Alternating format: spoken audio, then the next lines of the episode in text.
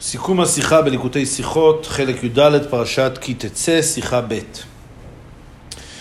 בפרשתנו נאמר, תמחה את זכר עמלק מתחת השמיים, מפרש רש"י, מאיש ועד אישה, מעולל ועד יונק, מישור ועד שא, שלא יהיה שם עמלק נזכר אפילו על הבהמה, לומר בהמה זו משל עמלק הייתה. כלומר, רש"י בא להסביר מה פירוש זכר עמלק, הרי בני האדם הם עמלק בעצמו, מה זה המצווה למחות את זכר עמלק? ורש"י מסביר שהכוונה היא שלמחות גם את הבהמות, שלא יאמרו שהבהמה שייכת, הייתה שייכת לעמלק. הרבי שואל על כך כמה קושיות. שאלה ראשונה, הרי המושג הזה של מחיית זכר עמלק כבר נזכרה בפרשת בשלח, ושם רש"י לא הסביר שום דבר. משמע שזה מובן מאליו, מה הכוונה למחות את זכר עמלק. אז למה דווקא כאן רש"י מפרש אה, למחות גם את הבהמות? שאלה שנייה, למה רש"י מזכיר כאן גם מאיש ועד אישה, מעולל ועד יונק? לכאורה זה בפשטות, זה למחות את עמלק. זכר עמלק בא רק לרבות את עניין הבהמה. שאלה שלישית, דברי רש"י הם בעצם כאן ציטוט מהפסוק בשמואל. אבל בפסוק שם מוזכר גם מגמל ועד חמור, ואילו רש"י משמיט את המילים מגמל ועד חמור. שאלה רביעית, למה רש"י לא מזכיר שזה פסוק? הוא לא אומר כדכתיב, הוא רק מצטט את לשון הכתוב. ושאלה חמישית, למה רש"י מעריך בלשונו אה, שלא יהיה שם עמלק נזכר, לומר בהמה זו משל עמלק הייתה? מה זה התוספת הזאת אה, בדבר, בדברי רש"י? ושאלה שישית, מכיוון שרש"י כאן בא להסביר את המושג זכר עמלק, למה הוא מצטט גם את תחילת הפסוק, תמחה את זכר עמלק, מספיק היה לצטט רק את המילים זכר עמלק.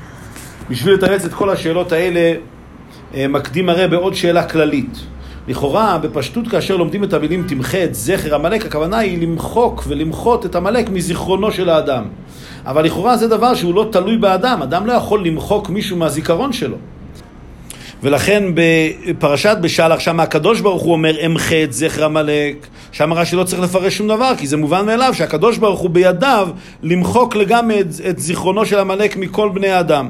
אבל כאשר יש ציווי לאדם, תמחה את זכר עמלק, לכאורה זה לא דבר שהוא בידיו של האדם. ולכן רש"י מסביר שהכוונה היא לא למחוק את עמלק מהזיכרון, אלא אה, לעשות פעולות כאלה שלא יהיה שום דבר שיזכיר לנו את זכרו של עמלק. על ידי זה שמוחים את אה, מעולל ועד יונק, מאיש ועד אישה וגם את כל הבהמה, אז אה, לא יהיה שום דבר שיזכיר לנו ובזה נקיים את הציווי, תמחה את זכר עמלק.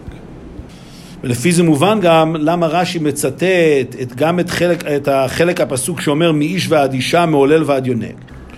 מכיוון שרש"י בא להסביר לנו מה הפירוש למחות את זכר עמלק. שהרי היה אפשר לחשוב שהמלחמה בעמלק היא על דרך מלחמת מדיין, ושם הציווי היה בעיקר אה, להרוג את הגברים ואת הנשים שהחטיאו את בני ישראל.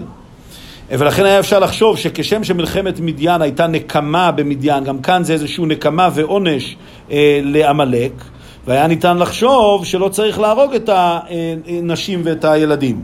ולכן רש"י צריך לה, לה, לומר שמכיוון שכאן העניין הוא תמחה את זכר עמלק, אז זה כולל גם איש ואישה מעולל ועד יונק.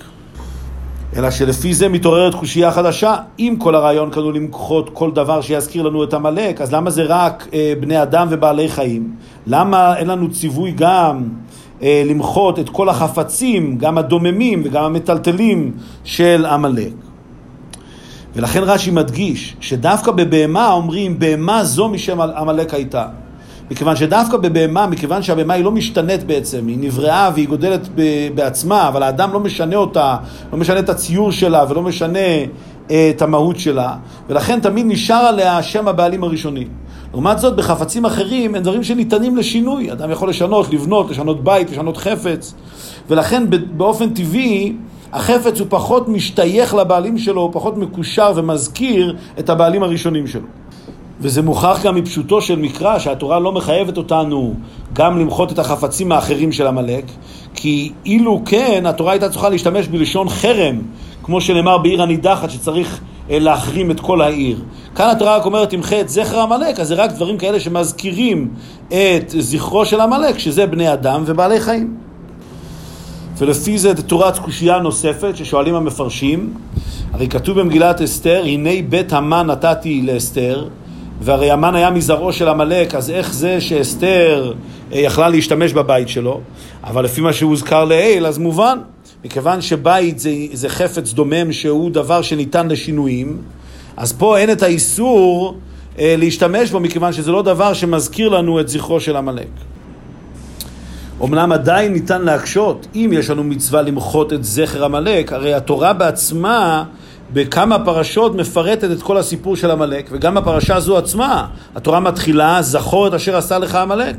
אז יש כאן איזושהי זכירה של עמלק, אמ, אז איך זה מתאים עם זה שיש לנו ציווי למחות את זכרו של עמלק? והתירוץ הוא גם על פי פשוטו של מקרא. שאכן הזכירה הזאת שהיא לשם מחיית שמו של עמלק, זה ודאי זכירה שהיא, שהיא מותר לזכור וגם מחויבים לזכור. התורה אוסרת עלינו לא תשכח. אבל זה מכיוון שהזכירה הזאת היא רק זכירה על מנת למחות את שמו.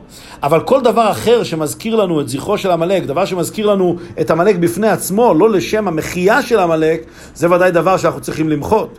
ולכן אומרת התורה, תמחה את זכר עמלק, וזה שאתה צריך לזכור אותו זה רק לזכור על מנת למחות את שמו. והרבא מסיים כאן בעיינה של תורה בפירוש רש"י, מבואר בחסידות שקליפת עמלק עיקר עניינה זה עניין הקרירות, כמו שנאמר בפסוק, אשר קרחה בדרך. שהעניין של עמלק ברוחניות זה לקרר את ההתלהבות וההתפעלות של האדם אה, בעניינים אלוקיים. והדרך למחות את העניין הזה של עמלק זה על ידי עבודה של קבלת עול, שאדם הוא לא עושה חשבונות, עובד את השם בקבלת עול בתמימות, על ידי זה הוא אה, מוחה ומבטל את ההשפעה של עמלק. והנה מבואר בחסידות שעיקר ההשפעה של עמלק זה על המידות של האדם. אה, ולכן הוא ראשית גויים, הוא ההתחלה של כל המידות הרעות, כל שבע המידות הרעות שיש באדם, ויש בכוחו גם להשפיע על המידות של הנפש האלוקית. ולכן רש"י כאן מרמז את זה בפירושו, שהוא אומר שלמחות את זכר עמלק הכוונה היא מאיש ועד אישה, כפי שמבואר בחסידות שהשם איש ואישה מרמז בעיקר על המידות. אה, כאשר מדברים על ענייני השכל, הדרגות הגבוהות יותר באדם, אז משתמשים בלשון אדם. אבל השם איש הוא מדגיש דווקא את עניין המידות.